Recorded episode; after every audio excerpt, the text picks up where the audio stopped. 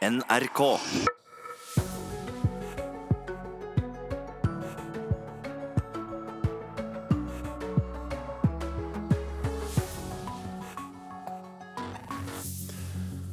Marokko-drapene kommer selvsagt til å dominere denne sendingen fra Nyhetsmorgen i dag. Der er det mye å snakke om. Men vi skal òg bruke litt tid på et par pressekonferanser. Her hjemme møter Erna Solberg pressa i dag, som, som hun gjør fast hvert halvår. I Politisk kvarter har vi samla et knippe skarpskodde kommentatorer som skal snakke om politiske sigre, tap og framtida. I Russland holder Vladimir Putin sin årlige pressekonferanse, som jo er en vesentlig mer forutbestemt seanse der alle spørsmålene er sendt inn på forhånd. Men som regel en ganske spennende hendelse like fullt. Vår korrespondent sitter klar til å fortelle hva vi kan forvente. Og Nyhetsmorgen får du i dag med Birger Kolsrud Jåsund og Silje Sande i studio. Marokkanske myndigheter etterlyser altså tre menn nå for dobbeltdrapet på norske Maren Uland og danske Louisa Vestager Jespersen. Det er eh, offentliggjort portrettbilder av de tre, men myndighetene har ennå ikke gått ut med noen navn. Og Ifølge marokkanske medier så behandles nå drapene som en terrorhandling. Utenriksmedarbeider Eirik Veum, hva vet vi mer om dette terrorsporet? Det vi vet er at Etterforskningen da følger da en, eh, et terrorspor. altså at Dette vurderes som en terrorhandling. Og Det vil legge noen føringer for hvilke metoder som kan brukes i etterforskning, og ikke minst si noe om mulige motiver. Og Bakgrunnen for terrorsporet det er at den ene personen som er pågrepet, eh, han skal ha tilknytning til det som kalles en ekstremistisk gruppering. Og Kilder i marokkansk politi de hevder eh, til flere nyhetsbyråer at han også tidligere skal ha vært involvert i det de kaller terrorhandlinger, altså politisk motivert eh, vold.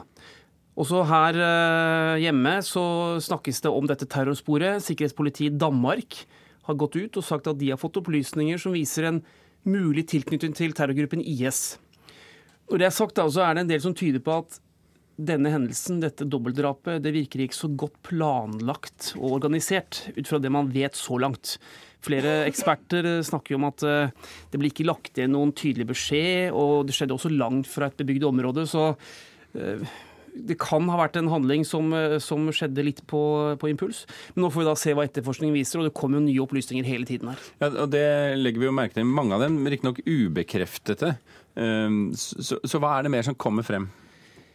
Ja, det er ganske voldsomt, det som blir eh, fortalt. Eh, de to ble jo da funnet av et eh, kjærestepar fra Frankrike, som var da på tur i det samme området. Og de fant da de to kvinnene utenfor denne landsbyen ved Atlasfjellene. Og Den norske avisen VG de har jo snakket med, med, dette paret som forteller om dette funnet av de to døde kvinnene. Og de lå utenfor teltet sitt. Dette paret har da forklart seg for politiet og også gitt dette intervjuet. Eh, de er åpenbart i, i sjokk, eh, iallfall sier de det selv. Og, og, sier også at de håper ingen får se det vi har sett. Så da kan man jo selv tenke seg hva som har foregått her. Når det er sagt, så finnes det jo en video som skal være publisert som viser drapene som da eh, gjerningsmennene angivelig har lagt ut. Hva, hva mer vet vi om den? Ja, det er, det er, mye snakk om denne videoen, um, og, og, som skal da vise drapet på minst én av kvinnene. Um, i går kveld så fikk eh, vi her i NRK bekreftet at den undersøkes av både politiet i Danmark og Norge, og selvfølgelig også i Marokko. Eh, den er lagt ut på sosiale medier, og den skal da vise bl.a. svært grov eh, vold. Samtidig så sier kilder i marokkansk politi at videoen ikke knyttes til drapene. Dansk og norsk politi har ennå ikke kommentert det. Så vi får um, anta at det blir ganske raskt avklart, siden da minst én av kvinnene er på denne videoen. Men, men eh, det er mye uklarheter rundt det uh, sporet foreløpig.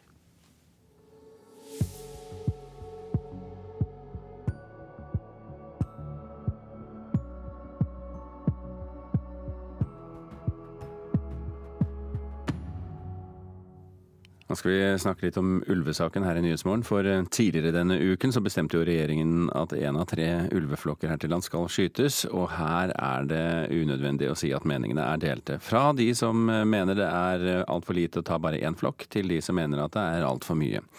Miljøministerens eget ungdomsparti, Unge Venstre, vil ha tre ganger så stor ulvesone som i dag, sier Unge Venstre-leder Sondre Hansmark. Vi mener det må være et krav fra Venstre i regjeringsforhandlingene at vi skal ha en bærekraftig ulvestamme i Norge. Det er en direkte utfordring til moderpartiet tre dager etter at klima- og miljøminister Ola Elvestuen ga grønt lys til å skyte ulv i ulvesonen for aller første gang. Unge Venstre-lederen mener partiet må gå inn for å tredoble ulvesonen når partiet nå skal inn i nye regjeringsforhandlinger. Man er nødt til å utvide ulvesonen og sørge for at ulven kan få ferdes flere steder i Norge. Og så må man øke bestandsmålene. For i dag så drar man jo en ulvepolitikk som er sånn at ulven er på randen til utryddelse. Eh, og det syns vi er litt risikabelt hvis vi skal ta vare på det biologiske mangfoldet i Norge. og Derfor ønsker vi også å styrke bestandmålene og få flere ulv i Norge. Men på den andre siden får regjeringen kritikk for å bare gi fellingstillatelse på dyr i Slettåsflokken i Trysil-traktene. Ulveflokkene i Hobøl og Mangen får leve, til tross for at rovviltnemndene også mente de burde jaktes på. Elvestuen presses fra alle kanter, også fra regjeringspartner Fremskrittspartiet, som mener han ikke gikk langt nok da han bare sa ja til jakt på én av de tre flokkene. Det høres ikke greit ut eh, i det hele tatt. Rovdyrpolitisk talsmann i Frp, Terje Halleland, sier at det er helt uaktuelt å utvide ulvesonen, slik Unge Venstre ønsker. Han vil ikke gjøre noe med det brede rovdyrforliket fra Stortinget. Samtidig har han selv tatt til orde for å endre loven, slik at også de to andre flokkene i ulvesonen kan jaktes på, noe han mener forliket åpner for. Hvis det er regelverket, eh, lovverket, som mangler i statsråden sin, eh, sin verktøykasse for å gjennomføre Stortingets vilje, så må vi bare få saken til Stortinget og endre det regelverket. Så burde alle tre eh, flokkene som rovviltnemndene hadde innstilt på å følge, blitt felt. De kan bare glemme å gjøre noen lovendringer som fører til at vi skyter mer ulv i Norge. Unge Venstre mener det haster med å utvide ulvesonen og stanse ulvejakten. Ulven er kritisk utrydningstruet i Norge, så vi er nødt til å ha mer ulv i Norge, og ikke mindre. Det er jo slik at En ungdomsorganisasjon alltid skal utfordre moderpartiet, og det gjør det jo her. Miljøminister Elvestuen selv vil ikke uttale seg, men Venstres statssekretær Atle Hamar i Miljødepartementet sier at Unge Venstres utspill ikke rokker ved regjeringens rovdyrpolitikk.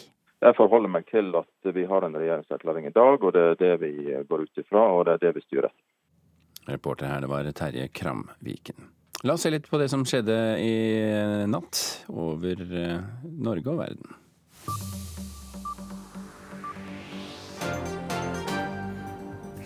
Senatet i USA har sikra finansiering av statsapparatet fram til 8.2. Vedtaket er viktig for å unngå å måtte stenge offentlige etater. President Donald Trump har trua med å la være å godkjenne budsjettet dersom politikerne ikke finansierer grensemuren mot Mexico. Senatets finansiering fram mot februar må og godkjennes av representanthuset før folk i USA kan puste ut i denne omgang.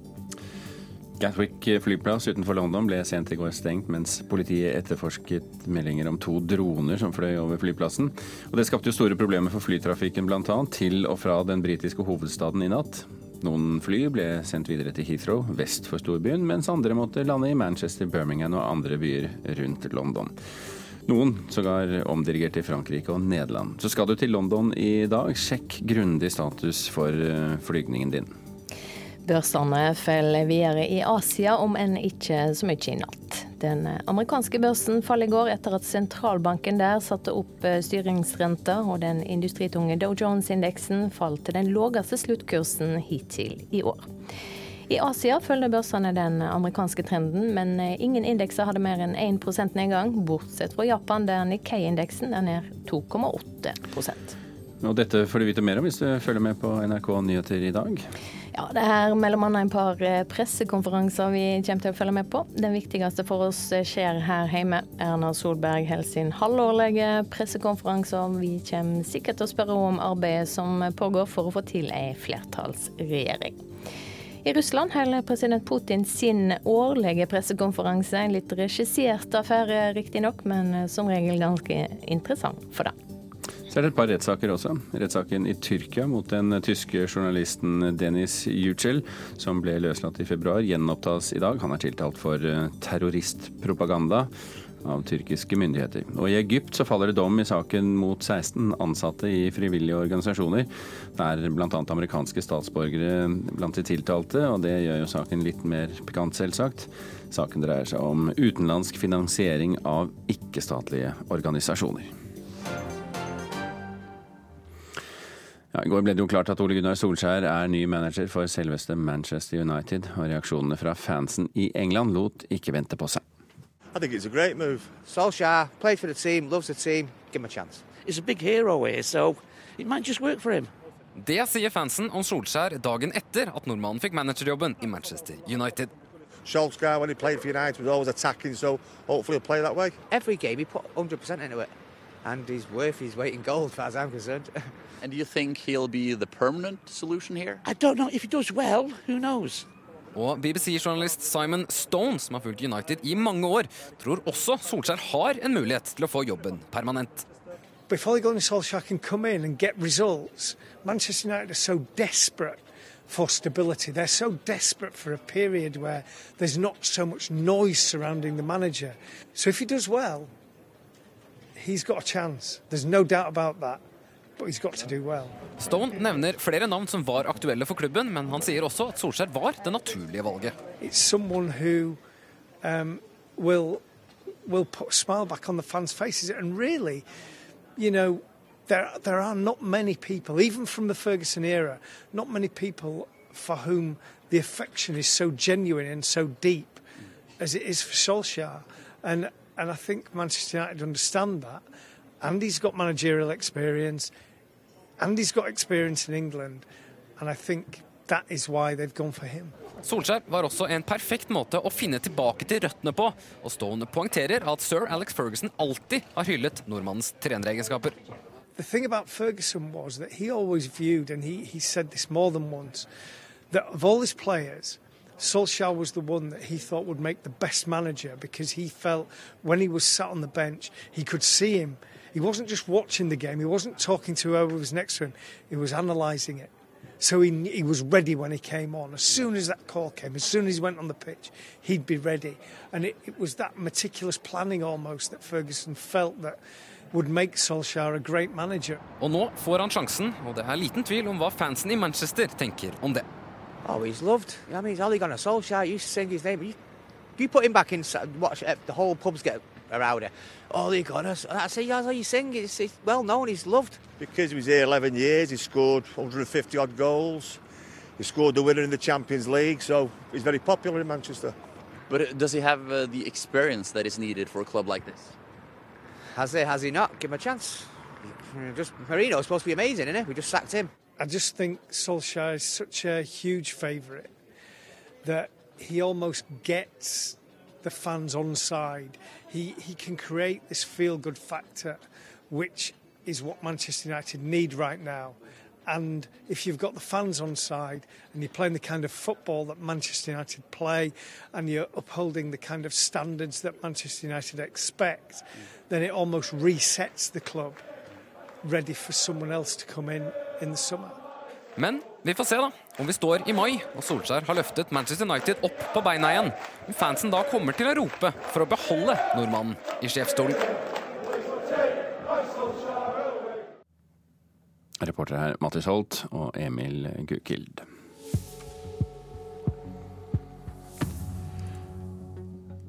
Klokken er eh, drøye kvart på sju. Du hører på Nyhetsmorgen, og overskriftene våre i dag er at marokkanske myndigheter etterlyser tre menn for dobbeltdrapet på en norsk og en dansk kvinne i Marokko.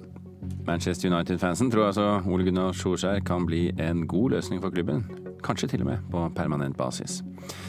Og Veidirektoratet vurderer om hyppige fergeavganger likevel kan slå ut broer og bli løsningen på flere planlagte fergefrie strekninger. Добрый день, уважаемые коллеги, друзья. Давайте начнем. Мы договорились Slik hørtes det ut da Russlands president Vladimir Putin holdt sin årlige pressekonferanse i 2016. Omtrent slik hørtes det ut i desember i fjor også, og i dag er det klart for en ny pressekonferanse der Putin sitter alene på en scene, tar imot spørsmål fra et stort publikum, alle selvsagt nøye valgt ut på forhånd. Og NRKs korrespondent i Moskva, Jan Espen Kruse, hva vil du si kjennetegner disse årlige pressekonferansene til Putin? Ja, Det er jo et slags eh, maraton for den russiske presidenten. Eh, den lengste pressekonferansen varte jo i nesten fem timer. Og det helt normale er at det, er, det varer en tre-fire timers tid. sånn at det er ikke noe fort og grei sak, dette her. Det er en, det er en langdrygg affære, og den russiske presidenten går gjennom veldig, veldig mange temaer. Mm, og som nevnt så er det jo, er det jo um, forberedte spørsmål. men men det virker, jo, det virker jo likevel som de klarer å dekke over ganske mye. og Hva, hva tror du kommer til å skje i dag? Ja, På eh, forhånd så er det sagt eh, at eh, det er, det er, flere forskjellige temaer. Det er naturligvis russisk innenrikspolitikk som er veldig viktig. Så er det en masse utenrikspolitikk, for det er jo ganske iskaldt og konflikt mellom Vesten og, og, Russland for tiden. Så der må vi regne med at det kommer at Putin vil bruke en god del tid. Og så er det vanlig at han snakker en del om seg sjøl og sin egen rolle. sånn at eh, det er et veldig veldig bredt eh, lerret han skal gjennom. Og så kommer han eh, naturligvis til å Det er veldig vanlig at han bruker ja, en halvtime til en time med å fortelle hvor bra det egentlig går i Russland akkurat nå. Ja, Men, men når spørsmålene er såpass kjent på forhånd. Han snakker jo tross alt uten manus, virker det som. Hvor regissert er det egentlig? Ja, altså eh, Han er jo flink i denne rollen. Han sitter jo, som du sier, han prater helt fritt om eh, disse temaene med noen eh, notater. Ehm, så at eh, en god del av spørsmålene Altså alle spørsmålene er for så vidt godkjent på forhånd. og så plukker han ut Det virker jo på publikum som han plukker nokså tilfeldig ut, men det er det jo naturligvis ikke.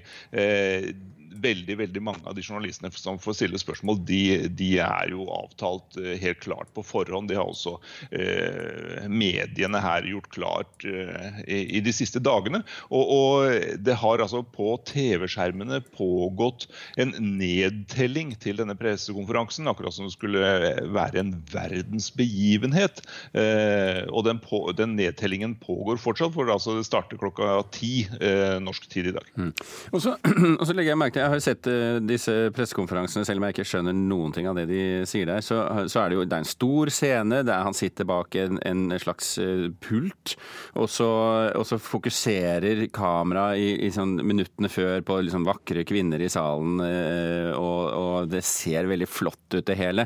Er, er dette en populær sjanse blant russerne? det er klart, Dette er den årlige eh, anledningen hvor, hvor, man eh, på sett og vis ser eh, presidenten i ja, litt mer fri dressur enn det som er det, det, vanlige, den vanlige dekningen i mediene her. For her kan tross alt, selv om veldig mye er regissert, så dukker det av og til også opp spørsmål som ikke er eh, avtalt, og, og temaer som eh, helt åpenbart kommer litt overraskende på. Og det er jo spennende for det russiske publikum å se hvordan presidenten deres takler disse her tingene. Sånn det, og av og til så kommer det litt nyheter om han som person. Det kommer, eh, han, han, slipper noen nyheter, utspill, når det gjelder både ting som skjer innad i landet og, og på den internasjonale arena. sånn at det, det er ikke til de grader for forutsigbart. Eh, ting kan skje, og det gjør også at det er en viss spenning rundt det. Og så, er det som du, du, nevner, du sier at han er flink til dette, men han er jo eh, i sånne situasjoner så er han jo ganske, en ganske sjarmerende mann, og han er av og til ganske morsom også? Ja da, det hender altså, det, er, det, er, tradisjon for at det kommer med en og annen spøk i, i løpet av disse tre relativt tunge timene, tre eller fire eller fem tunge timene. Sånn at eh, han, han eh, gir litt av seg sjøl, og han, eh, han, kommer med ting som, eh, som folk syns er interessant. Og det er jo den uh, suverene lederen i Russland, og, og det er den anledningen man har til å se han i en nokså uvant situasjon. For ellers, dekningen eh, i mediene her er jo veldig, veldig på, på Det minner jo litt om propaganda og eh, en, en veldig autoritær leder. Ok. Du får følge med på oss utover dagen, Jan Espen, og så, og, og så kommer vi nok tilbake når det kommer nyheter etter hvert. Det skal handle om eh, styggvakre ting. Silje Sande. Det skal det. Vi skal til Maihaugen på Lillehammer. Hvert år de siste ti årene har utvalgte kunstnere, arkitekter og designere pynta det tradisjonsrike juletreet der. Årets juletre er skapt av maleren og skulptøren Kjell Erik Killi Olsen, og det juletreet det er ikke helt normalt. Hvor skal du sitte hen, da? Han er liksom ikke tilfreds. Kjell Erik Killi Olsen pynter et nokså annerledes juletre på Maihaugen i Lillehammer. Det er den lille mannen som fikk brokk. Man må hylle det som er annerledes. Og så plutselig så dukket dette treet her, som har stått her på Maihaugen i 150 år, som var et tre med to stammer som hadde vokst ut av én liten kropp, og så hadde det delt seg.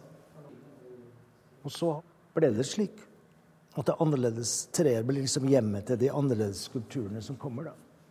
Litt tidligere i Vågå i Gudbrandsdalen. Det har alltid vært min drøm å, å komme hjem hvis jeg skulle til Norge og, og, finne meg en gård. Jeg tror på skjebnen, at det bare Den kom Den kom når den skulle, og den, det ble meg, og det tror jeg var riktig, faktisk. Middelaldergarden Sambu, med 17 freda hus, er blitt den nye heimen til Killi Olsen etter mer enn halve livet i utlandet.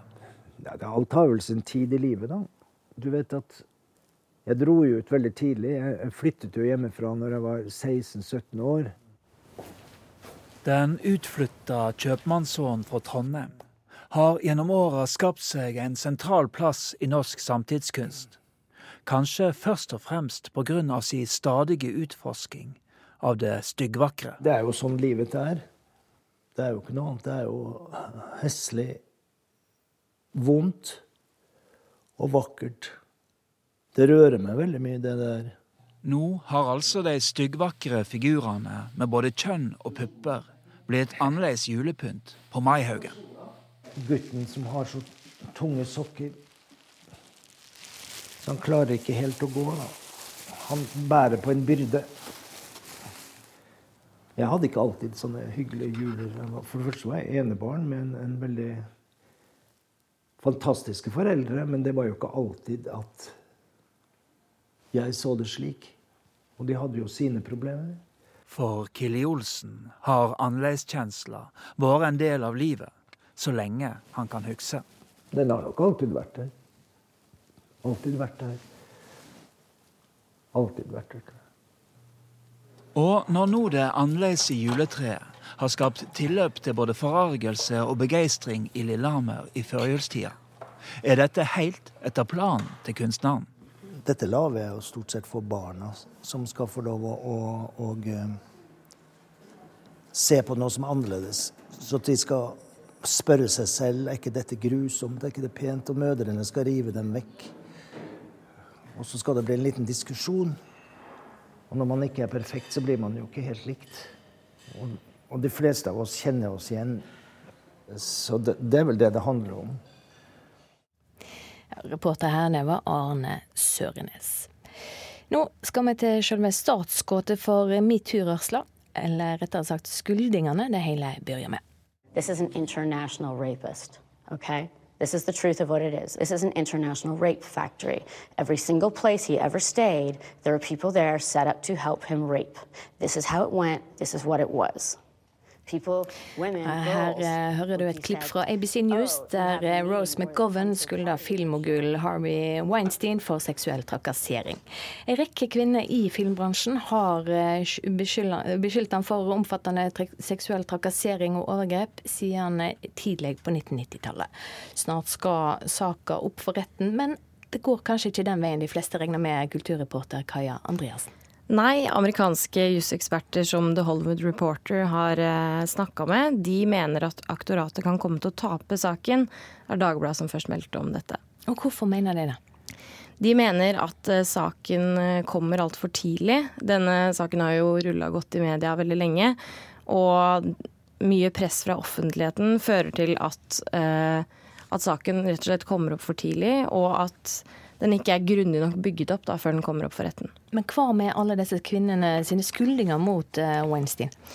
Eh, de mener også at eh, forsvareren til Weinstein har lykkes med å undergrave troverdigheten til politiet, juryen og de tre kvinnene som har anklaget han. Annet har advokaten lagt fram en rekke e-poster fra en av anklagerne, hvor hun skal ha skrevet kjærlige ting som 'Miss you too' og 'Lots of love' i årene etter at overgrepet skal ha skjedd.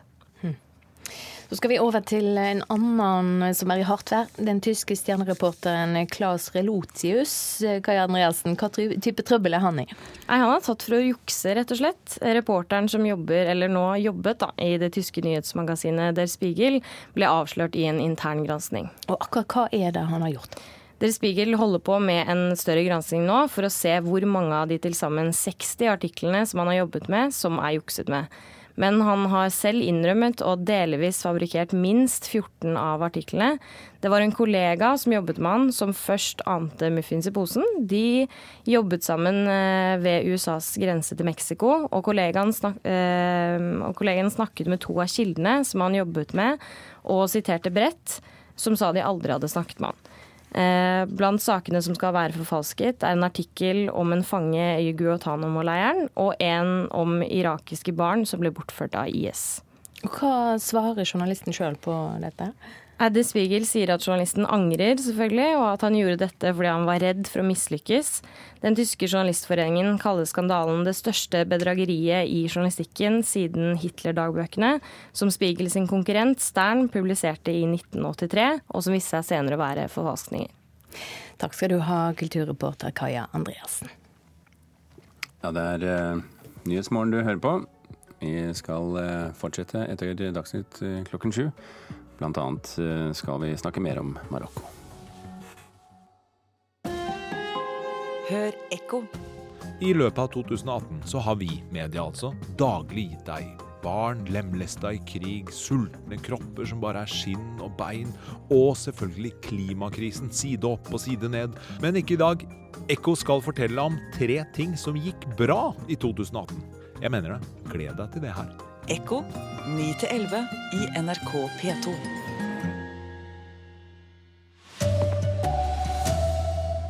Marokkanske myndigheter etterlyser tre menn for drapene på en norsk og en dansk kvinne. Unge Venstre vil ha en mye større ulvesone. Her er NRK Dagsnytt klokka sju. Marokkanske myndigheter etterlyser tre menn for dobbeltdrapet på norske Maren Ueland og danske Louisa Westerager Jespersen. Det er offentliggjort eh, portrettbilder av de tre, men myndighetene har ennå ikke gått ut med noen navn. Ifølge marokkanske medier behandles nå drapene som en terrorhandling, sier utenriksmedarbeider Eirik Veum. Bakgrunnen for terrorsporet det er at den ene personen som er pågrepet, eh, han skal ha tilknytning til det som kalles en ekstremistisk gruppering. Og Kilder i marokkansk politi de hevder eh, til flere nyhetsbyråer at han også tidligere skal ha vært involvert i det de kaller terrorhandlinger, altså politisk motivert eh, vold. Når det er sagt, så er det en del som tyder på at denne hendelsen, dette dobbeltdrapet, det virker ikke så godt planlagt og organisert, ut fra det man vet så langt. Flere eksperter eh, snakker jo om at det blir ikke lagt igjen noen tydelig beskjed, og det skjedde også langt fra et bebygd område. så det kan ha vært en handling som, eh, som skjedde litt på, på, impuls. Men nå får vi da se hva etterforskningen viser, og det kommer jo nye opplysninger hele tiden her. Unge Venstre vil ha tre ganger så stor ulvesone som i dag. Det er en direkte utfordring til moderpartiet etter at miljø- og klimaminister Ola Elvestuen mandag ga grønt lys til å skyte ulv i ulvesonen for aller første gang. Unge Venstre-leder Sondre Hansmark mener partiet bør kreve en kraftig økning av ulv i Norge. Vi mener det må være et krav fra Venstre i regjeringsforhandlingene at vi skal ha en bærekraftig ulvestamme i Norge. At man er nødt til å utvide ulvesonen og sørge for at ulven kan få ferdes flere steder i Norge. Og så må man øke bestandsmålene. For i dag så har man jo en ulvepolitikk som er sånn at ulven er på randen til utryddelse. Eh, og det syns vi er litt risikabelt hvis vi skal ta vare på det biologiske mangfoldet i Norge. og Derfor ønsker vi også å styrke bestandmålene og få flere ulv i Norge. Veidirektoratet vurderer om hyppige fergeavganger likevel kan erstatte bruer og være løsningen på flere planlagte fergefrie strekninger. Motstanderne av pengebruken på fergefri E39 Kyststamveien tolker dette som en seier for fornuften. SVs Arne Nævra sier til NRK at han håper bruforkjemperne innser miljøgevinsten en fergeløsning kommer til å ha. Så er Gatwick flyplass utenfor London eh, igjen eh, stengt, mens eh, politiet etterforsker meldinger om at to droner fløy over flyplassen. Stengingen påvirker flytrafikken i hele Storbritannia og deler av Europa, og passasjerer må regne med forsinkelser utover dagen. NRK Dagsnytt, Anders Borgen Werring.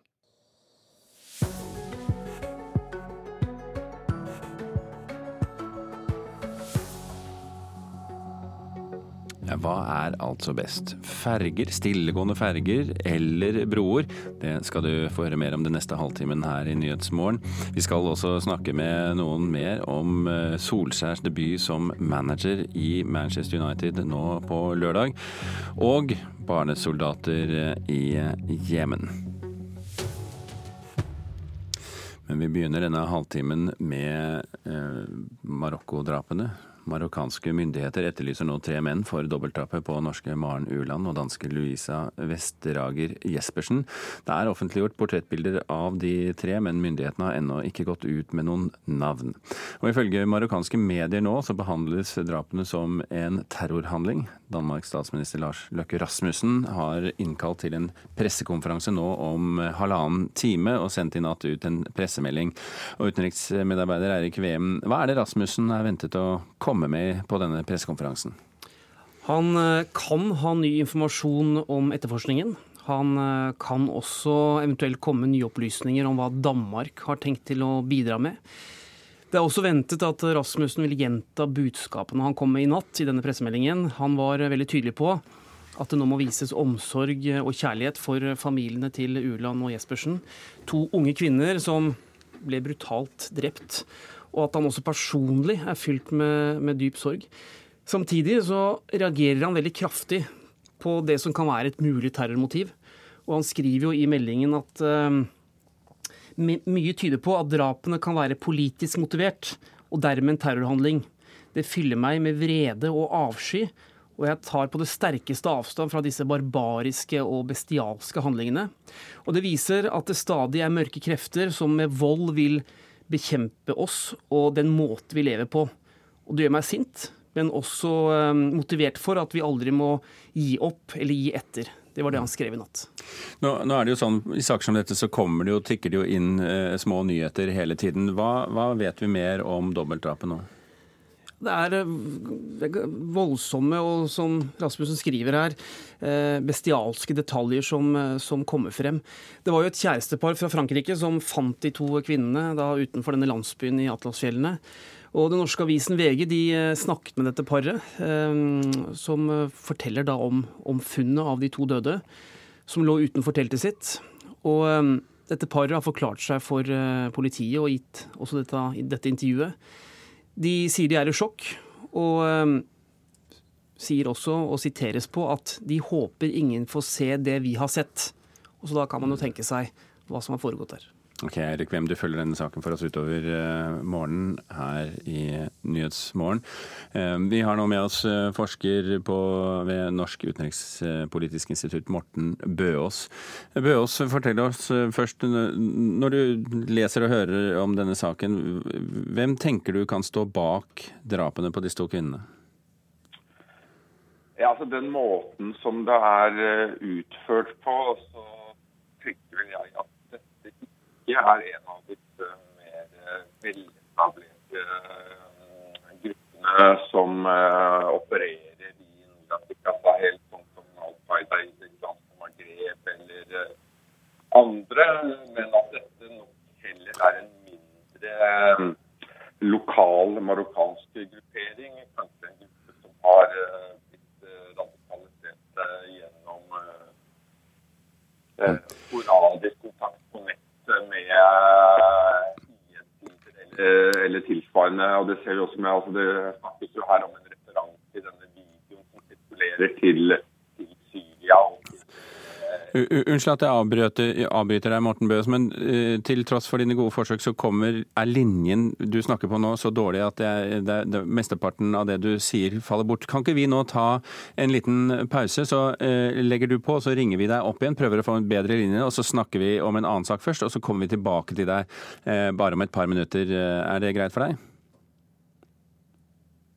Ja, den linjen gikk jo helt uh, ut. Så uh, vi, vi, går til neste sak, og så prøver vi å, å, å få en bedre linje på Morten Bøås uh, for å fortelle om, om terrorsporet her i, i, denne saken om Marokko-drapene. I mellomtiden så kan vi fortelle at Veidirektoratet nå vurderer om hyppige fergeavganger likevel kan slå ut broer og bli løsningen på flere planlagte fergefrie strekninger. Motstanderne av pengebruken på fergefri E39, kyststamveien, tolker dette som en seier for fornuften. Blant dem SVs Arne Nævra, som har kjempet mot broplanene på Stortinget. Jeg tolker det som en aldri så liten julegave ja, altså til oss som har stått på for at dette skulle utredes. Det er jo engang sånn at Kostnadene til ferjefri E39 f.eks. er jo absurd høye. Vi snakker om en 340 milliarder kroner. Nesten 200 milliarder bare til fjordkryssingene. Og det er liten tvil om at ferjefri E39 ligger bak når Veidirektoratet vil ha en analyse av hva en kan få igjen av rene trafikale resultat, ringvirkninger og samfunnsøkonomi ved satsing på det som blir kalla høgfrekvente ferjeavganger opp mot nye bruer og tunneler sier seniorrådgiver Joakim Rønnevik i Veidirektoratet. Og vi ønsker å få mer innsikt i hvilke samfunnsmessige effekter dette forbedra ferjetilbudet gir, og om eh, noen av effektene tilsvarer det som vi ser ved ferjeavløsning. Ferjeavløsning er altså bru eller tunnel. Høgfrekvente ferjeavganger betyr ferjeavgang hvert kvarter, og disse sambandene på Vestlandet, i tillegg til Moss-Horten over Oslofjorden, inngår i analysen. Halhjem-Sandvikvåg, Mannheller-Fodnes, Anda-Lote, Solavågen-Festøya og Molde-Vestnes. Disse fem ferjesambandene inngår i nettopp det som blir kalt ferjefri E39-modell. Bak, bakgrunnen for at disse sambandene er, er, valgt, er at det er planlagt ferjeavløsning, og det er gjort betydelige analyser av potensialet eh, for utvikling av bo- og arbeidsmarkedsregioner. Og de gir et godt utgangspunkt eh, som grunnlag for eh, analyse av effektene av et mer høyfrekvent ferjetilbud. For at vi skal kunne se om ferja faktisk er konkurransedyktig opp mot bru? Dette er, det, det er et grunnlag for samme, samme, sammenligning i forskningsøyemed og en del av kunnskapsinnhentingen for å se, for å se på de samfunns, mer samfunnsmessige effektene av, av høyfrekvent ferjetilbud, og, om, om noen av effektene tilsvarer de som vi ser ved ferjeavløsning. Dette, som er definert som en faglig utgreiing i Veidirektoratet, er musikk i ørene til SV-er og brumotstander Arne Nævra. Og Jeg tror de nå har innsett at uh, norsk teknologi trenger det. Jeg tror uh, økonomien i Norge trenger det, og ikke minst så trenger miljøet det. Sånn at alle disse argumentene taler for at uh, det å utrede hyppige ferger, fleksible ferger og selvfølgelig blir det jo nullutslippsferger. det er jeg jo ganske overbevist om. Nå har han et klart råd til bruentusiastene. Nei, Det er jo at de er med på det Vegvesenet nå har tatt initiativet til. Og at de hyller det og ser på det som en fantastisk mulighet både for miljø, næringsliv og ikke minst for ja, kanskje også for turistene. Husk på det. Tenk å sende turistene under fjorden istedenfor å se fjorden og få kaffe og svele om bord. På hyppige avganger eh, og uh, nullutslippsferjer. Og ikke bare det, men de skal være stillegående i norsk natur. Tenk på det. Reporter her det var Bjørn Atle Gillestad. Ja, Vi går tilbake til deg, eh, Morten Bøås fra NUPI. Du snakket litt om hvem som kan stå bak eh, drapene på de eh, to kvinnene. Hva var det du fortalte da vi brøt linjen med deg? Ja, altså Det jeg prøvde å si, er at uh, måten dette er utført på, som uh, er, hvis man ser på det med en terroristorganisasjons øyne, en en ganske primitiv operasjon, så ser dette ut til å ikke være noen av disse mer veletablerte gruppene som opererer i dette området, som, som f.eks. Al Qaida i det islamske Maghreb, men mer en um, lokalt organisert gruppe i Marokko. Men med sympati, IS-sympati, da, forstår jeg? Ja, altså dette kan f.eks. være en, en gruppe som har radikalisert seg selv. Det kan være en gruppe som har hatt nordkontakt med eh, IS-sider på nettet, eller den kan også bestå av eh, en eller flere som har vært i f.eks. Syria en kort periode, eller som kjenner noen som har vært i Syria en, en periode. Altså, det er eh, en god del marokkanere som har reist til Syria for å slåss for IS. For eksempel. Ja. Eh, Vi skal prøve litt til, eh, Morten eh, Bøås. Det er litt trøbbel med linja fremdeles, men vi gjør et lite forsøk, og så ser vi hvor gnagsår vi får i ørene etter hvert. Men si meg ting, denne type terror slik den fremstår, hvor vanlig er den egentlig? Ja, altså sånn Globalt sett så har jo dette blitt vanligere. At du har eh, altså ikke nødvendigvis store anslag som er uh, velregissert og planlagt fra en uh, etablert gruppe sin side, men mer at uh, noen uh, mer lokalt og spontant gjennomfører noe. Altså Sånn sett så kan jo dette minne litt om både det som har skjedd i Strasbourg og andre steder. Men i Marokko så har vi ikke sett spesielt mye av dette. Det er, det er lenge siden det har vært noen eh, større anslag i, i Marokko. Og de har også vært av en litt annen karakter. Altså De har vært, hatt en annen dramaturgi og vært større og nok mer velregistrerte enn eh, det dette angrepet var. Eh, Hva kan man oppnå, eller hva oppnår disse terroristene med denne form for terror? Altså Her kan det jo være to formål. Altså Det ene er uh, igjen altså denne oppmerksomheten og den å hva man si, gjøre gjøre altså de man støtter den uh, tjenesten og vise at man er i stand til å slå tilbake, for i dette tilfellet f.eks. IS. Men samtidig kan det også være et uh, annet mål her, og det er å ramme den marokkanske staten og da turistindustrien. Ok. Eh, Vi prøver et lite spørsmål til eh, på tampen eh, på denne dårlige linja, Bøås. Eh, Dette, det, denne hendelsen her, hvordan passer det inn i terrormønsteret mot europeere? Nei, altså Sånn sett så passer den jo inn. ikke sant? Det, men jeg tror det, den også opportunisten i dette her. altså Disse to stakkars jentene ble antagelig et opportunistisk offer for eh, en eh, liten gruppe menn som hadde bestemt seg for å gjennomføre en aksjon uten at det nødvendigvis planlagt veldig nøye. Og så møttes disse her, og så ble det det som vi nå ser, dessverre det tragiske resultatet. Ok, Morten Bøås, eh, tusen takk for at du var med oss eh, på morgenkvisten. Og så takker jeg også alle lytterne våre for tålmodigheten med denne linjen.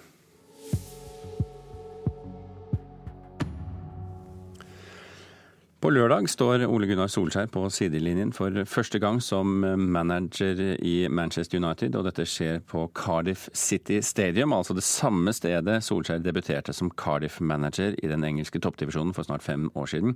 Denne gangen, eller den gangen, så var Solskjær optimistisk før kampen. Vi er på hjemme. Vi, må, vi vil gjerne trykke Westham bakover, selvfølgelig vil vi det. Og dominere kamper. Det er ikke enkelt å komme til Cardiff City Stadium. Daværende Cardiff-manager Ole Gunnar Solskjær, som Toros eh, optimismen tapte sin første kamp 0-2. Kasper Wikestad, fotballkommentator for TV 2, velkommen til Nyhetsmorgen. Tusen takk. Du kommenterte jo både denne kampen, og så skal du også kommentere Solskjærs retur til eh, engelsk toppdivisjon. Hvordan kommer det til å gå denne gangen, tror du? Uh, utgangspunktet er i alle fall eh, veldig, veldig ulikt. Det er jo veldig spesielt. Jeg husker jeg sto der, eh, for det var jo enormt med vår andre manager i Premier League siden Egil Olsen da han ble ansatt i Cardiff for Som, fem år siden. som heller ikke var noe suksess, i og for seg. Nei, det kunne gått, gått litt, litt bedre, men men utgangspunktet da var jo at han tok over en klubb som kjempa med nebb og klør for å overleve, eh, og som var i, eh, i mange måter i, oppløsning, og, og en helt annen type utfordring. Eh, nå kommer han inn som en midlertidig manager, og skal jo bare sitte til eh, sommeren. Eh, Han har et eh, halvt år egentlig bare på å lette stemninga, eh, først og fremst. Og så er det jo ikke så, så enkelt. Men, men utgangspunktet nå er jo at det er en manager, José Mourinho, hvor spillerne er, virker lei.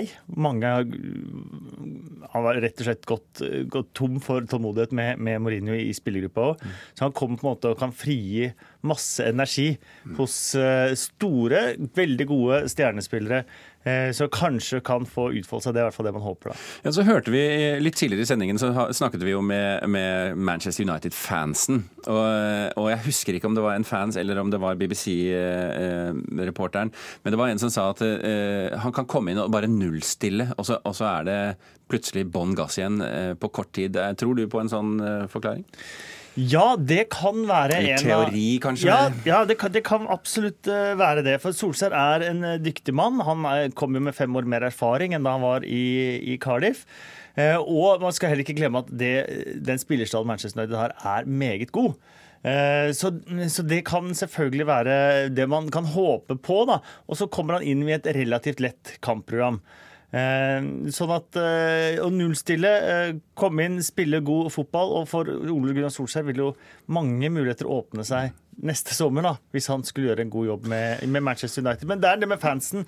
Han vil alltid være elsket av fansen, men jeg tror det samtidig er det mange som er skeptiske til CV-en til, til Ole Gunnar Solskjær som, som trener. Ja, Han har altså fiasko i Cardiff, må vi jo kunne kalle det kanskje. Og så har han øh, et, et, en liten klubb på Vestlandet i Norge. Ja, det er rett og slett eh, det han har. Samtidig som han også har vært reservelagstrener i Manchester United.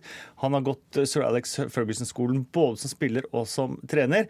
Og han hadde jo Paul Pogba, f.eks., Marcus Rashford, i sin akademistall da han var trener. Så det betyr jo også at han har et forhold til noen av disse spillerne som trener fra før, og det er ikke noen ulempe. Men hva rekker man å gjøre, egentlig? Eh, Han øh, ble jo da øh, manager, midlertidig manager i går, og så kom han til klubben i går kveld. Og så skal de spille på lørdag. Det er ikke all verdens tid. Eh, Han rekker å gjøre ganske lite. Eh, Så, såpass ærlig må man, eh, må man være. Så man må finne noen enkle grep. Eh, Og så må man trykke på noen enkle knapper, og så må man, eh, og så må man ta, det, ta det derfra. Eh, Og nå kommer kampene tett som hagl i juleprogrammet. Det er- spilles jo ikke så tett kampprogram noe sted omtrent som akkurat jula i England. Så det er kamp nå, kamp andre juledag, kamp femte juledag, kamp rett over nyttår. Så det er nesten bare kamprestitusjon eh, han har tid til å gjøre. Men, men det man har snakket om, er jo spillestilen. José Mourinho har skåret, eller Manchester United har skåret lite mål under, eh, under eh, José Mourinho, mens Molde har bøtta inn mål i hele sesongen. Eh, Det er jo en, en, en, ideologi her som er forskjellig, som man kanskje kan gjøre noe med. Absolutt. Det er både et José Mourinho, både personligheten hans og spillestilen hans har jo tæret på omgivelsene og på spillere i, på Old Trafford. Eh, og den spillestilen kommer ikke Ole Gunnar Solskjær til å stå for, og det er nok veldig gode nyheter både for Paul Pogba, Juan Mata, Rashford, eh, bekkene. Eh, det er mange spillere her nå som eh, kan føle at de får den friheten på banen som de har lengtet etter under José Mourinho, og der ligger jo den utløsningen av, av form som man håper kanskje å se under Ole Gunnar Solskjær. Så selv om man ikke får gjort altfor mye på treningsfeltet fram mot kamp mot Cardiff, kanskje fram mot neste kamp, eh, så kan han få den utløsningen der. Ok, Kasper Wikestad, fotballkommentator i TV 2. Lykke til med kommenteringen nå på, på lørdag. Eh, Så har vi fått inn eh, den godeste Bjørn Myklebust i studio. og Da betyr det at vi skal snakke litt om hva som kommer i Politisk kvarter om ganske nøyaktig 24 minutter. Erna Solberg, stikkord kanskje? Ja, og jeg ble sittende og tenke på hvem har den vanskeligste jobben. Ole Gunnar Solskjær eller Erna Solberg? Eller Kasper Wikstad. Ja, eller Kasper Wikstad. Erna Solberg fikk faktisk annonsere den nye Manchester United-manageren. Det var jo helt eh, fantastisk. Ja. Den elegante overgangen kan kanskje være begge er lagbyggere, men begge har en veldig vanskelig jobb. Erna Solberg hun skal oppsummere det politiske halvåret i dag. Eh, Hun kommer ikke til oss, men det er to måter å se dette på, har jeg tenkt meg til. Det ene er at hun nærmer seg sin store politiske triumf. Det ingen trodde hun skulle klare. En borgerlig flertallsregjering. Laget. Eh, Eller blir dette et spektakulært forsøk på å sette norgesrekord i å bære sprikende staur? Det er den andre måten å se det på. Og Hadde hun kommet hit i dag, hadde hun villet det, så hadde vi nok fokusert på det andre. Det vriene. Det er, Kjenner vi deg rett? ja, det er jobben vår. Men siden hun ikke kommer, så kan vi tillate oss å være litt rause. Hvordan klarte hun å få til dette her? Eh, Men det blir surt og sørt. En av mine gjester mener Solberg både er undervurdert og overvurdert. Ja. Kom komplekst. Kvart på åtte. Politisk kvarter. Bjørn Myklebust i studio.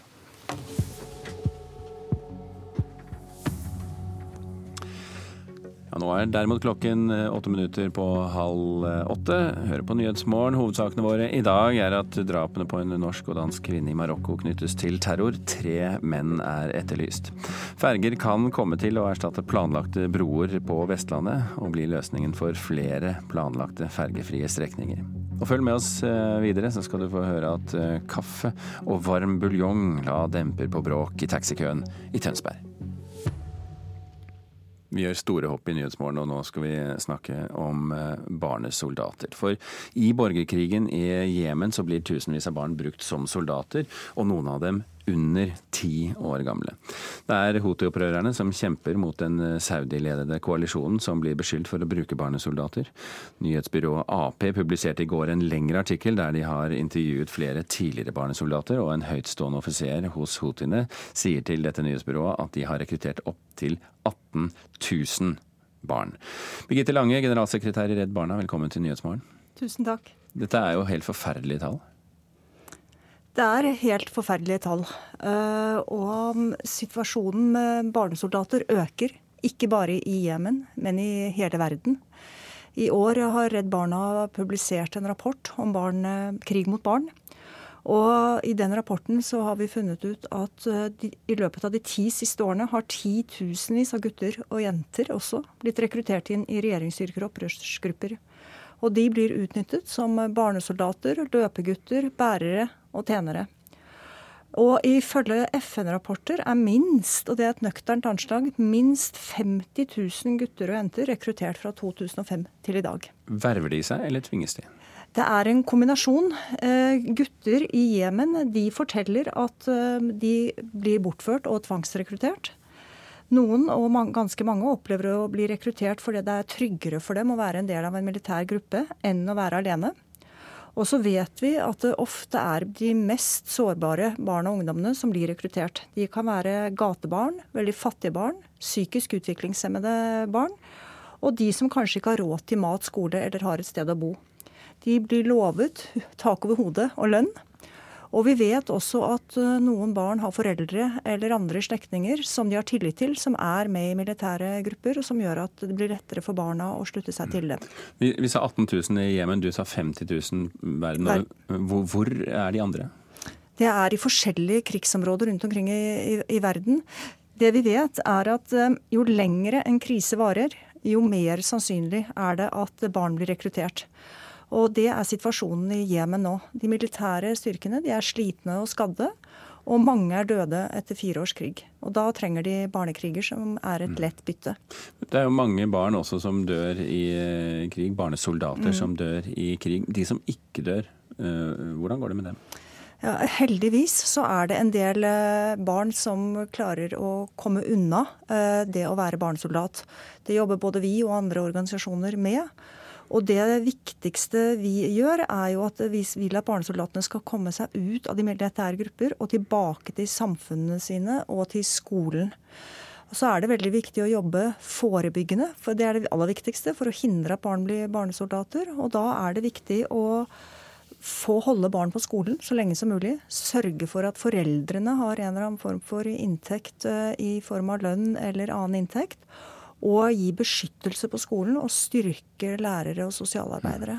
Men hvordan er egentlig den humanitære situasjonen i Jemen akkurat nå? Den situasjon, humanitære situasjonen i Jemen er veldig alvorlig. Jemen er rett og slett nå verdens største humanitære krise. 14 millioner mennesker, dvs. Si nærmere halvparten av Jemens befolkning, står ifølge FN på randen av sultkatastrofe. Og det er jo en veldig skjør våpenhvile i Jemen nå. I uh, den forsøket på våpenhvile som ble innført i havnebyen Hodeida, der 80 eh, av all matimport og nødhjelp kommer inn i landet, den er veldig skjør. Mm. Ok, vi, vi, er nødt til å sette strek der. Birgitte Lange, generalsekretær i Redd Barna, takk for at du var med oss her i Nyhetsmorgen.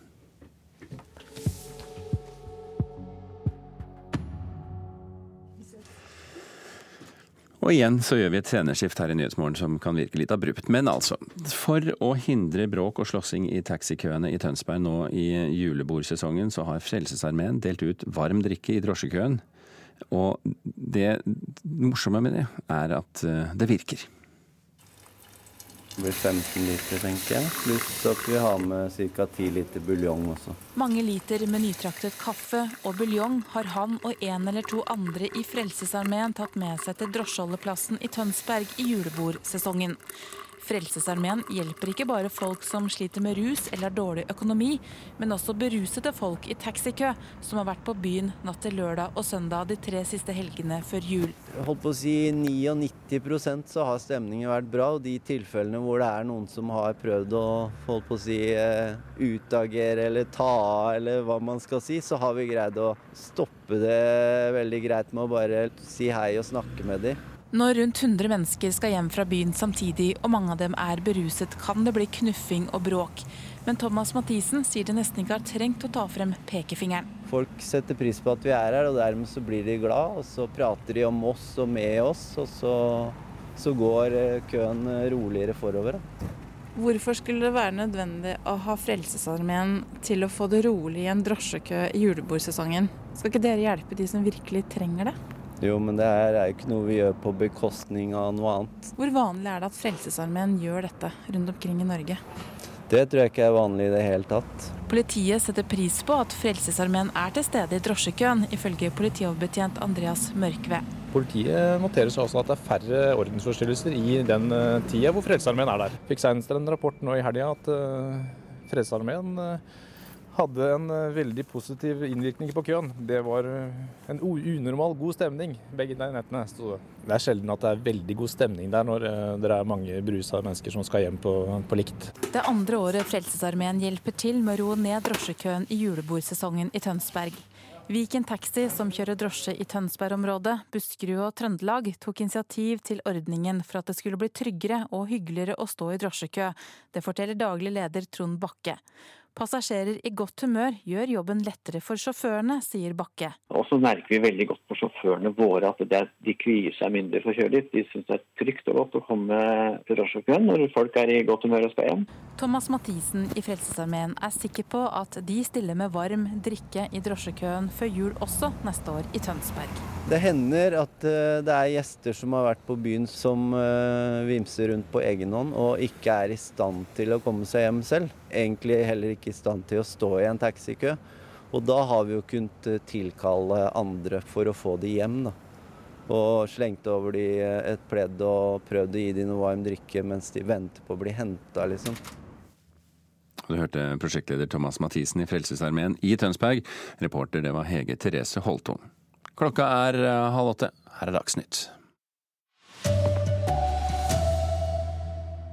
Drapene på en norsk og en dansk kvinne i Marokko knyttes til terror. Tre menn er etterlyst. Ferger kan komme til å erstatte planlagte bruer. Ole Gunnar Solskjær er på plass i Manchester. Her er NRK Dagsnytt, klokka er 7.30. Politiet i Marokko etterforsker drapene på de to skandinaviske turistene i landet som terror. Tre navngitte menn er mistenkt for ugjerningen. Det var norske Maren Ueland fra Bryne og danske Lovisa Vestanger Jespersen som ble funnet drept mandag morgen. De to var på juleferie og på fottur sammen i Atlasfjellene i Marokko. Marokkansk politi skal være på jakt etter tre navngitte islamister som de mistenker står bak dobbeltdrapet. Pressevakt i Utenriksdepartementet Arne Lunde sier Norge nå venter på mer informasjon fra marokkansk politi. Dette er en svært alvorlig sak som vi tar på dypeste alvor. Vi eh, samarbeider tett med norsk politi, med danske myndigheter og med marokkanske myndigheter i denne saken. Hun kan foreløpig ikke kommentere meldingene om at drapene nå er en terroretterforskning. Dette er en marokkansk etterforskning. Det er marokkansk politi som må eh, bestemme hvilke opplysninger de vil dele med offentligheten og ikke. Reporter her, Thomas Alvarstein eh, Ove. Utenriksmedarbeider Eirik Veum, eh, hva gjør marokkansk politi nå for å prøve å finne de tre som er etterlyst? Ja, Siden dette nå er en eh, påstått eh, terrorhandling som har rammet to vestlige borgere, så må man jo anta at det settes på svært omfattende ressurser for å finne eh, en form for en løsning. Siden det peker mot terrorgruppen IS, så vil nok marokkansk politi innlede et samarbeid også med andre lands etterretningstjenester. Det kan være USA, Storbritannia, Frankrike, eventuelt også andre land og aktører. Og så forsøker de nok nå å lukke områder, slik at vi kan finne disse tre som er etterlyst.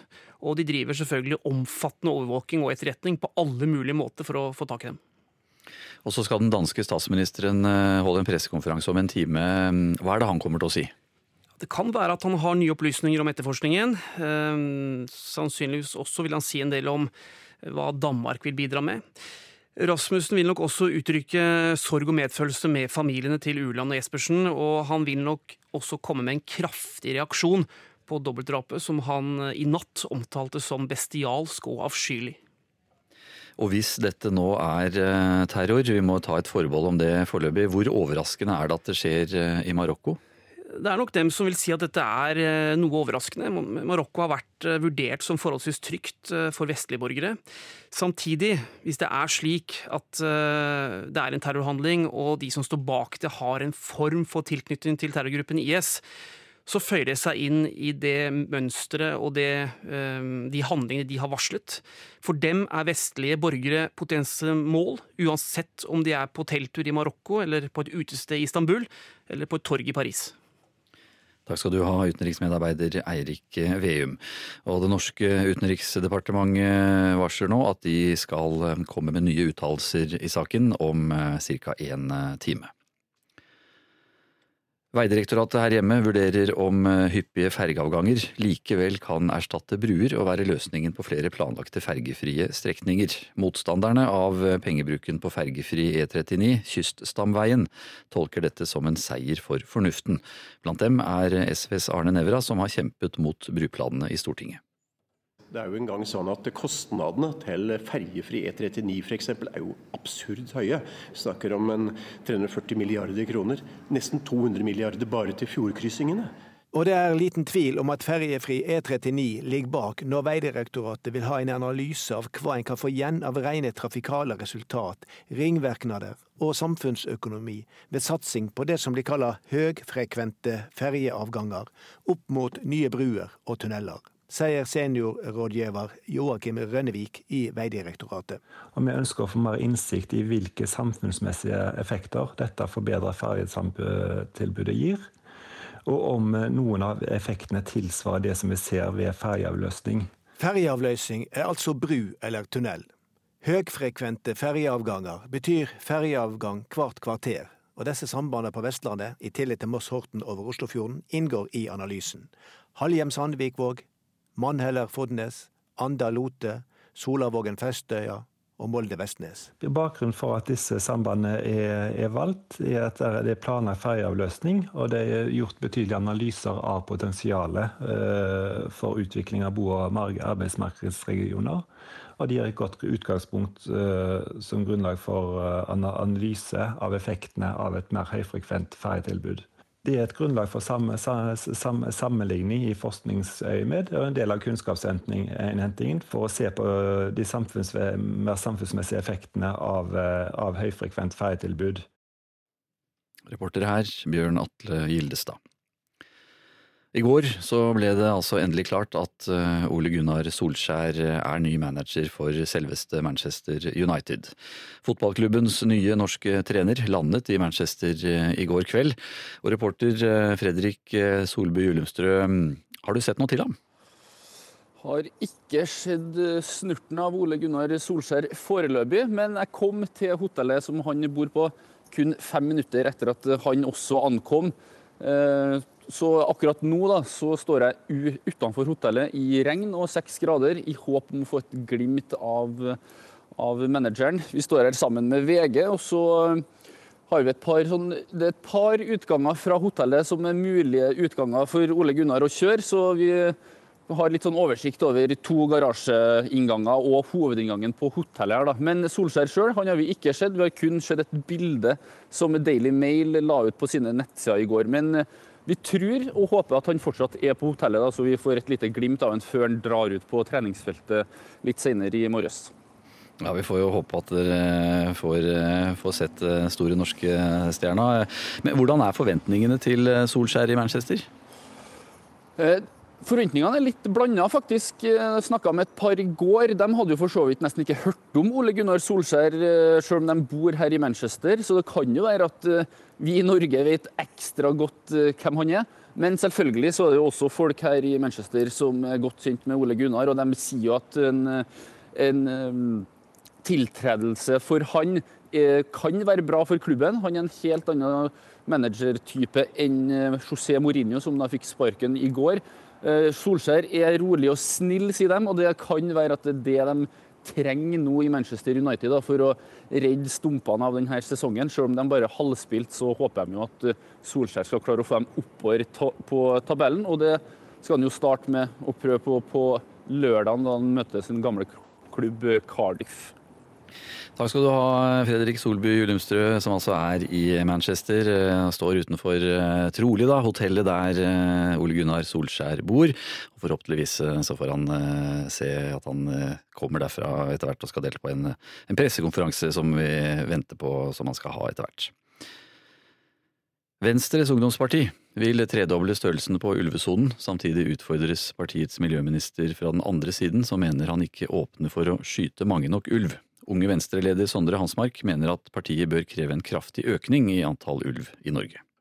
Vi mener det må være et krav fra Venstre i regjeringsforhandlingene at vi skal ha en bærekraftig ulvestamme i Norge. Det er en direkte utfordring til moderpartiet tre dager etter at klima- og miljøminister Ola Elvestuen ga grønt lys til å skyte ulv i ulvesonen for aller første gang.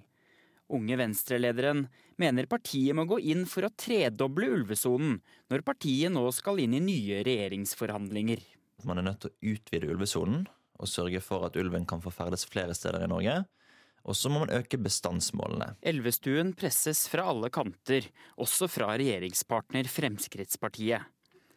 De mener han ikke gikk langt nok da han bare sa ja til jakt på én av de tre flokkene i ulvesonen som rovviltnemndene mente det burde jaktes på.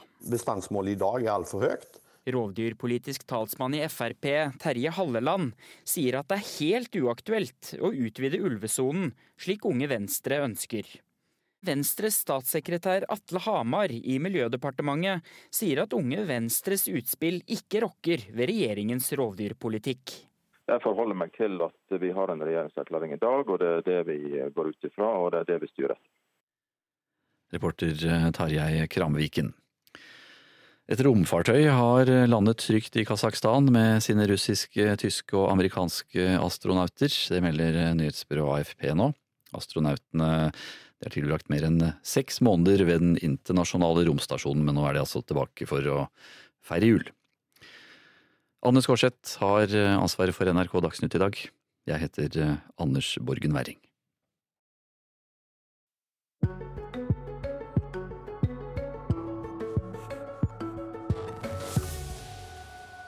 Over halvparten av alle alarmene brannvesenet rykker ut på, er unødige eller falske alarmer.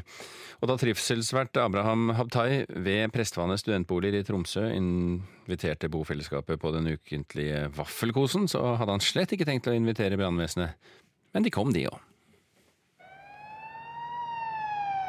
Det var jo ganske kjipt. Eh, fordi jeg har sett de komme her og få falskvarsel før. Da tenker jeg alltid herregud, altså hvem er det som har klart å gjøre sånn igjen? Og litt kjipt å være på andre enden.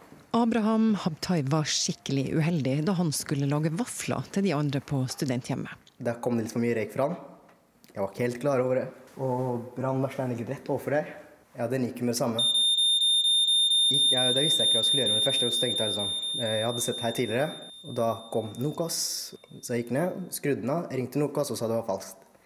Det jeg ikke var klar over, var at brannvesenet fikk varsel med det samme. Og de kom jo. De kom ganske raskt. Men Abraham er ikke den eneste det norske brannvesenet kommer unødig til. Jeg ringte i stad, så var det systemfeil. I gjennomsnitt rykker brann og redning ut til 137 unødige alarmer daglig i første halvdel av 2018. I 2017 var 57% av alle oppdrag til brann- og redningstjenesten unødige eller falske alarmer. Det er et stort problem, fordi vi vet jo noe om når man roper ulv, ulv mange nok ganger, så kan man jo selvfølgelig også ende opp i en situasjon der man blir litt sløvere i forhold til å være på alerten når det er et reelt tilfelle. Det sier avdelingsdirektør i Direktoratet for samfunnssikkerhet og beredskap, Anne Rygg Pedersen. Det er et problem både fordi det påvirker selvfølgelig de som rykker ut til veldig mange unødige alarmer, men det er også en utfordring i forhold til at da kan det være andre hendelser som man kanskje burde rykka ut på i parallell, som må vente fordi man har en sånn type alarm. Dan Tore Lyseggen er overingeniør ved Tromsø brann og redning. Han er enig i at unødige alarmer er problematisk, men understreker at de er satt til å gjøre en jobb og holde fokus inntil de får avklart alvoret. Og årsaken til de unødige alarmene er flere. Mye av det er jo knytta til eh, kanskje manglende kontroll og vedlikehold. Og i kontroll og vedlikehold så ligger det jo også det med å oppgradere røykvarsler eller eh, brannalarmanlegg med jevne mellomrom. Abraham og gjengen på Prestvannet studenthjem er altså ikke de verste. Selv om brannvesenet i Tromsø har rykka ut 14 ganger i år bare til dette ene av de elleve boligkompleksene til studentsamskipnaden i byen. Det er jo mye pizzaalarmer. da. Svartstekt pizza på natta gir for øvrig en høyst reell direktekobla alarm til brann og redning. For går ikke alarmen, kan det i verste fall bli brann og være fare for liv. Neste år setter Studentsamskipnaden i Tromsø derfor i verk ekstra brannforebyggende tiltak, forteller boligsjef Guri Anne Nilsen. Vi kommer til å sette timere på alt av komfyrer. Og Det gjør at eh, komfyren bare eh, virker i 15 minutter, og så må han settes på på nytt. Det er et litt kontroversielt eh, forslag, men det er noe vi gjør for å øke sikkerheten og forhindre sånne type utrykninger. Ja, Det er jo greit. Det er faktisk ganske bra. Det er jeg enig i. Sånn reagerer Abraham Habtai på at det i første omgang er ved Prestvannet studentboliger komfyrene får timer. Stekeos fra vafle vil den imidlertid ikke hjelpe mot. Men nå vet han at brannvesenet skal varsles når alarmen går unødig. Jeg lærte litt av det. Jeg håper de andre studentene lærer litt av det òg. At de må sørge å varsle brannvesenet med det samme. Ja, det var altså Abraham Habtai til reporter Hege Irén Hansen. Klokken er 16 minutter på sju, du hører på Nyhetsmorgen. Dette er eh, overskriftene våre i dag.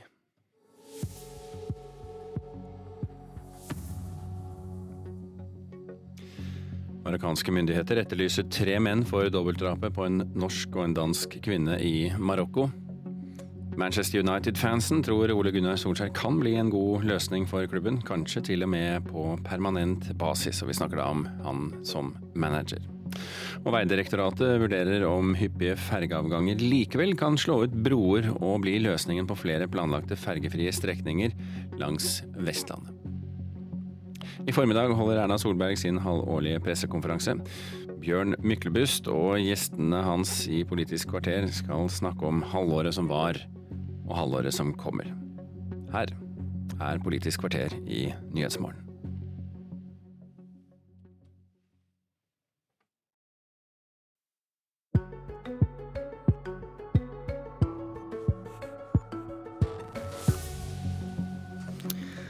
Vi skal alle skrifte i Politisk kvarter i dag, bekjenne våre synder. For Erna Solberg ser ut til å klare det alle, vel mange, mente var nesten umulig. Statsministeren selv ville ikke komme hit på dagen hun oppsummerer halvåret. Kanskje hun fryktet myke pakker. Men den første vi skal dele ut, virker hard. Og de som skal skrifte er Fridtjof Jacobsen, kommentator i VG. Trine Eilertsen, redaktør i Aftenposten. Politisk redaktør i Aftenposten, må jeg si. Lars Nehru Sand, politisk kommentator i NRK og programleder Bjørn Myklebust, velkommen. Takk. Takk. Og mens dere leter i hukommelsen, kan jeg bekjenne først. Vi skal høre fra en samtale jeg hadde med Erna Solberg for noen år siden, der hennes svar har tålt tidens tann bedre enn mine spørsmål. Jeg tror vi snakket om at Per Sandberg skulle inn i regjeringen. Er det en symbolsk spiker i kista for en firepartiregjering? Nei, det er det ikke. Så du tror fremdeles at en firepartiregjering kan se dagens lys? Jeg håper jo på et bredt borgerlig samarbeid. Ja. Og dette er ikke eneste gangen Solberg har fått insisterende spørsmål om hun ikke snart skal innse at dette ikke blir noe av. Og nå skal KrF, Frp, Venstre og Høyre snart snekre regjeringsplattform. Har dere begått analyser om dette som ikke har tålt tidens tann? Å oh, ja. Jeg bare sjekket i går, jeg tror jeg skrev senest for et år siden. så skrev, Jeg brukte riktignok ordet 'sannsynligvis', for vi har jo møtt oss sjøl i døren flere ganger, mange av oss. Vi har begynt å legge inn sånne 'sannsynligvis', og det, det tror vi. Men der sto det sannsynligvis firepartiregjeringen død. Helt død. Drømmen om firepartiregjering. Jacobsen, bekjennende synder. Ja, Trump kunne ikke vinne valget i USA, og regjering med KrF og Frp, det var umulig. Jeg, jeg må ærlig talt, jeg orket ikke å se om jeg hadde skrevet det, men jeg, jeg har i hvert fall tenkt det. Mens Lars Nehru Sand, vår mann i NRK, du, du, sa i går at ja, jeg kommer ikke på at jeg har, har satt noen spiker i noen kiste her. Nei, men jeg har vel, eh, som Jacobsen, tenkt at det ikke fremstår særlig sannsynlig at det skulle bli noe av. Og, og spesielt også når, eh, når, Venstre gikk inn alene, så, så uh, virka det jo mer sannsynlig at det ble en trepartisregjering ut, ut perioden. Jeg kan ikke huske å ha helt lukka døra for det, men, men, poenget er at jeg skal absolutt gi Erna Solberg for å ha trodd på dette og holdt tålmodigheten og alle dører åpne hele tiden. for det det fortjener hun honnør for. Ok, eh, La oss se på årsaken. da. Eh, Fridtjof Jacobsen, du, du, sa til meg at Erna Solberg er både undervurdert og overvurdert. Forklar. Jeg tror Erna Solbergs eh, store styrke som politiker er at hun tenker langsiktig. Og at hun står fast ved noen ting som hun, som, hun, lar avgjøre korte avgjørelser, også når de ser også når de ser rare ut i et eh, kortsiktig perspektiv. I motsetning til journalister, får vi legge til. Ja, ja. Eh, det skal jeg definitivt. Eh, hvis vi hadde vært langsiktige, så, så hadde vi ikke hatt de jobbene vi hadde hatt. For det, da hadde vi jo vært helt ubrukelige. Vi er øyeblikksmennesker. Men, men, men heldigvis vi kan, du kan ikke styre et land med journalister. Det skulle jo tatt seg ut. Eller kommentatorer. Nå lar, nå lar vi det ligge. Ja, men, nei, men Erna Solberg har jo hatt et mål om å samle disse fire partiene i en si, forpliktende borgerlig koalisjon. Et regjeringssamarbeid. Det har hun hatt uh, veldig lenge. Hun var nær ved å klare det i 2013. De sonderingene som da fant sted i Nydalen, de, uh, det var reelle, gode sonderinger mellom de fire partiene om å gå inn i regjering sammen. Noe ledelsen i partiene i hvert fall ønsket da de gikk inn der, men det skar seg. Nå er vi altså kommet dit i slutten av 2018 at sonderingene landet med at man går videre til forhandlinger. og jeg og jeg tror En av grunnene er at det man si at overvurdert og undervurdert. Er, jeg tror Erna Solberg er litt overvurdert i sin, i sin, evne til å håndtere akutte situasjoner som dukker opp som hun ikke er forberedt på. Da kan det av og til gå gærent. Eksempel? Eh, nei, en ting jeg husker er f.eks. det første toppmøtet i Nato som hun var på, hvor hun sa veldig mye rart som endte med at Norge ble skjøvet et, en armlengdes avstand fra USA i sikkerhetspolitikken eh, og forsvarspolitikken i hvert fall eh, noen måneder. Eh, noe som bekymret veldig mange. for hun hun tråkka litt ut i det og var litt bastant i hvordan ting hun sa om f.eks. Uh, krigføring i Syria og norske forsvarsbudsjetter etc. Men i det langsiktige, når det gjelder altså å, å gjøre det attraktivt, eller i hvert fall attraktivt nok, å gå inn i regjering med henne for først av Frp, så Venstre og så KrF, så har hun vært utrolig stø. Hva er det hun klarer der med de enkelte partiene på borgerlig side?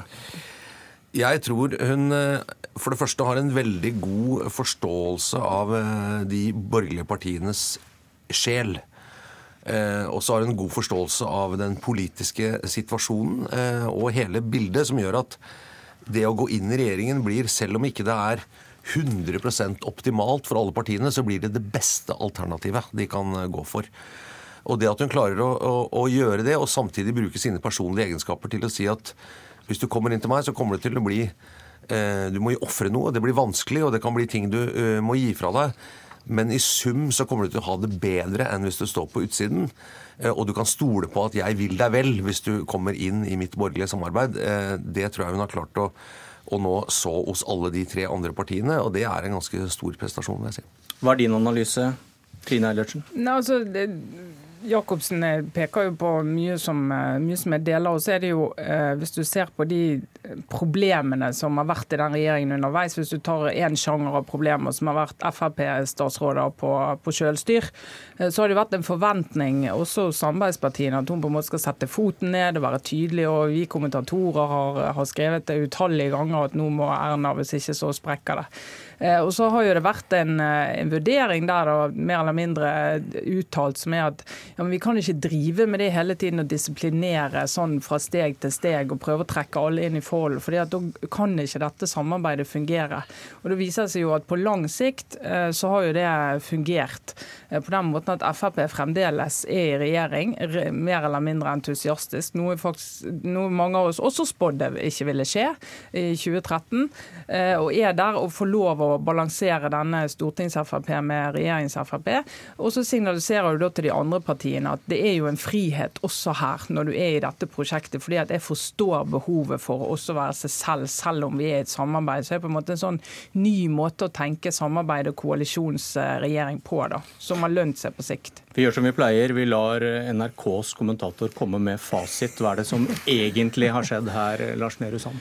Jeg mener at Det som egentlig har skjedd i år, er at man eh, har sett konturene av Erna Solberg også hun kan eh, gjøre feil. Hun har eh, sagt til Stortinget eh, ganske alvorlig at eh, regjeringen ikke har informert Stortinget eh, tidlig nok, eh, godt nok og fyllestgjørende nok om objektsikring, som var en feil som potensielt kunne koste henne jobben. Hun forsto jo ikke situasjonen i KrF før det nesten var for sent. Det var en annen feil som potensielt kunne koste henne jobben. Så redda hun seg inn igjen med abortutspillet sitt, og det, eller i, kombinasjon med, med Ropstad. Eh, og så har jo litt som eh, Jacobsen har vært inne på, i både i Tonning Riise-saken i, i, januar og i Listhaug-saken i vår, vist litt dette her at det å ikke helt forstå dynamikken i en sak Nå er begge de to sakene kanskje vanskelig å analysere seg frem til hvordan ville ende, eh, men, men, i de to sakene så viser hun at eh, ting som skjer eh, nær sagt der og da, eh, kan komme litt ut av kontroll for, for statsministeren. Så i et ellers godt år, som jo ender ned akkurat der hun vil, eh, med en, eh, en firepartisregjering rett rundt eh, hjørnet, så har hun også gjort feil som kunne lede til at hun aldri kom i den situasjonen som, som hun er nå. Nå har hun klart å samle borgerlig side. Det er på tide å, å, å liksom diskutere om hun er den største politikeren på borgerlig side eh, noensinne. Eh, Willoch regjerte på en borgerlig side uten eh, et Frp med en størrelse. Nå har Erna Solberg klart å, samle fire partier, høyst sannsynlig, og det er en stor politisk bragd. Jacobsen, hva med når hun sier at regjeringen er åpen for å diskutere abortloven og denne paragraf 2c i innspurten av KrFs veivalg? Er det, er det kynisk taktikk for å vinne, for å lykkes? Eller et eksempel på at hun forstår KrF, som du var inne på i din analyse?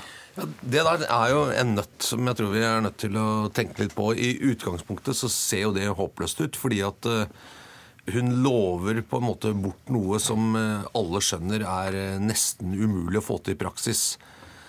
Men jeg, jeg har lurt på om det som hun gjorde der, egentlig ikke handler så mye om saken. Eh, men at hun ønsket å signalisere at det å gå inn i et eh, politisk tett fellesskap som en regjeringskoalisjon, da, da, er å, da er vi nødt til å signalisere at eh, vi tenker likt. Vi har et eller annet form for ideologisk eller moralsk eller åndelig politisk fellesskap. og så vet vi alle at i, i, politikken og i koalisjoner så er det gi og ta, og det er ikke alt vi mener vi får til osv. Det, det er jo godt demonstrert i denne regjeringen. At det er veldig mye man ønsker seg man ikke får. Men jeg ønsker allikevel å si, siden, siden, KrF og Hareide la opp til at denne prosessen handlet veldig mye om, om følelser. Hvilken side føler du deg mest hjemme på? Det var sånne begreper som at eh, høyresiden er kald, eh, og, og, og, Jonas Gahr Støre er varm. Eh, og, og, han brukte ganske sånn, sånn, selektiv plukking av saker og argumenter for å forsvare dette. For ganske sånn, det var sånn hvor, hvor føler vi oss hjemme? Og da kommer hun med dette for å vise at eh, på akkurat dette spørsmålet om abort, Eh, så føler jeg det samme som store deler av KrF. Og så kan det hende vi ikke får det til, eh, men det er viktig for meg å vise de korta at jeg innerst inne mener det samme som dere, slik at vi har et slags eh, hva skal man si ja, et sånt dypideologisk fellesskap. Og det tror jeg er hele hemmeligheten med, men den borgerlige regjeringen, er at hun klarer å få folk Selv om ikke det alltid går opp i saker, så, så tror jeg hun får de til å tenke at ja, men vi er tross alt en del av noe som er litt større enn oss selv. Et borgerlig fellesskap som vi kan identifisere oss med. Og det er hun god på. Eh, hadde Erna Solberg vært der i dag, ville jeg spurt henne om følgende. Det er ikke flertall for å endre 2C abortloven i Stortinget, men kan regjeringsforhandlingene ende med at de borgerlige partienes representanter blir tvunget til å stemme mot sin overbevisning for at KrF skal få en seier? seier? Trine Eilertsen, kan vi ende der at en regjeringsplattform banker dette på plass i salen? Altså det, det, er mye som kan skje. Jeg ser på det som ganske usannsynlig. Eh, og det, det som er litt spesielt med denne saken, det er at altså, i Høyre òg, som Høyre som jo ikke har reagert på noe av eh, kompromisser og ting de har måttet gå med på, de har bare lagt seg helt flat og er med på alt som kommer fra de andre partiene. Selv i Høyre så var det reaksjoner på, på dette utspillet. Og det er nesten ingen reaksjoner mot Erna Solberg i Høyre. Eh, og Det er eksempel på en sak der du har hatt en veldig sterk debatt, en hard debatt internt i forbindelse med landsmøtet, da det var et forslag om at Høyre også skulle endre standpunktet til denne paragrafen. Eh, en avstemning som Erna Solberg tapte. Og En sånn sak er det mye vanskeligere å bare legge på bordet og forhandle vekk i et kompromiss enn en sak faktisk som hele partiet er enige om. Det, det høres litt rart ut, men det, det, er faktisk litt sånn det er. For da vil du ha en del i partiet som opplever det som en litt sånn rå omkamp. Så der er det ikke bare altså risikoen sånn tradisjonelt for at du vil tvinge folk til å stemme for noe de er egentlig imot, for det gjør de jo hele tiden, men det er karakteren av saken, pluss at akkurat det som har med den type etiske spørsmål og vurderinger å gjøre, der er det jo tradisjon for at det er vanskelig å binde, binde representanter, ikke minst i Frp. Tror, tror, du partipisken kan bli tatt fram i denne saken her, eh, Lars Nehru Sand? Vi hørte jo FrPs representanter i en, en interpellasjonsdebatt med Bent Høie for, for, ikke lenge siden som sa at dette er ikke aktuelt. Dette kan ikke vi, vi stemme for, en endring av abortloven. Jeg tror det vil være symbolsk eh, vanskelig å gjøre i en, en, sånn sak. Jeg vil i likhet med, med Eilertsen være veldig overraska hvis man eh, ender ned der. Eh, det er jo selvfølgelig formelt mulig, men, men jeg tror eh, akkurat denne saken har en sprengkraft som, som, vil gjøre det vanskelig for partiene over tid. Eh, og, og, det er store velgermessige nedsider ved å, å, å, gjøre det også for, for Høyre, som som har uh, måttet betale en pris for dette utspillet. Men, men uh, er, jeg tror også i forhandlingene uh, det vil bli et hardkjør mot KrF på, på abortspørsmålet. Til slutt blir dette en sjupartiregjering, der Høyre er det eneste partiet, og de andre må spille dobbelt med primærstandpunkter og vassende kompromisser, som snakkes litt mer mumlende? ja, det, på en måte så kan det helt sikkert bli det det er ikke sikkert at KrF kommer til å legge det abortgreiene helt øverst på lista. fordi de skjønner at man ikke kan få det til. Og Hvis de mener alvor med å gå inn i en bred borgerlig regjering, så vil de akkurat som kanskje i reservasjonsretten si at vi får nøye oss med at Erna Solberg var enig med oss, men vi skjønner at det blir vanskelig, og vi trekker oss på det standpunktet. Men en sjupartiregjering, ja, det kan godt hende. Det, det, Frp er jo allerede et dobbeltparti, så, og de andre kan vel også komme dit. venstre. Jeg vet ikke hvor mange venstre, partier venstre er, jeg, egentlig. Nei, Det har jo Fire. alltid vært mer enn ett. Ja. Men eh, de, de, målingene tilsier i hvert fall at de må markere seg. Når de ikke klarer å markere seg i regjering, så får de jo markere seg på Stortinget, da. Takk for runden. Eh, dette var Erna Solberg. Team Erna Solberg. I morgen snakker Politisk kvarter om Jonas Gahr Støre. Hør på oss da også, kvart på åtte.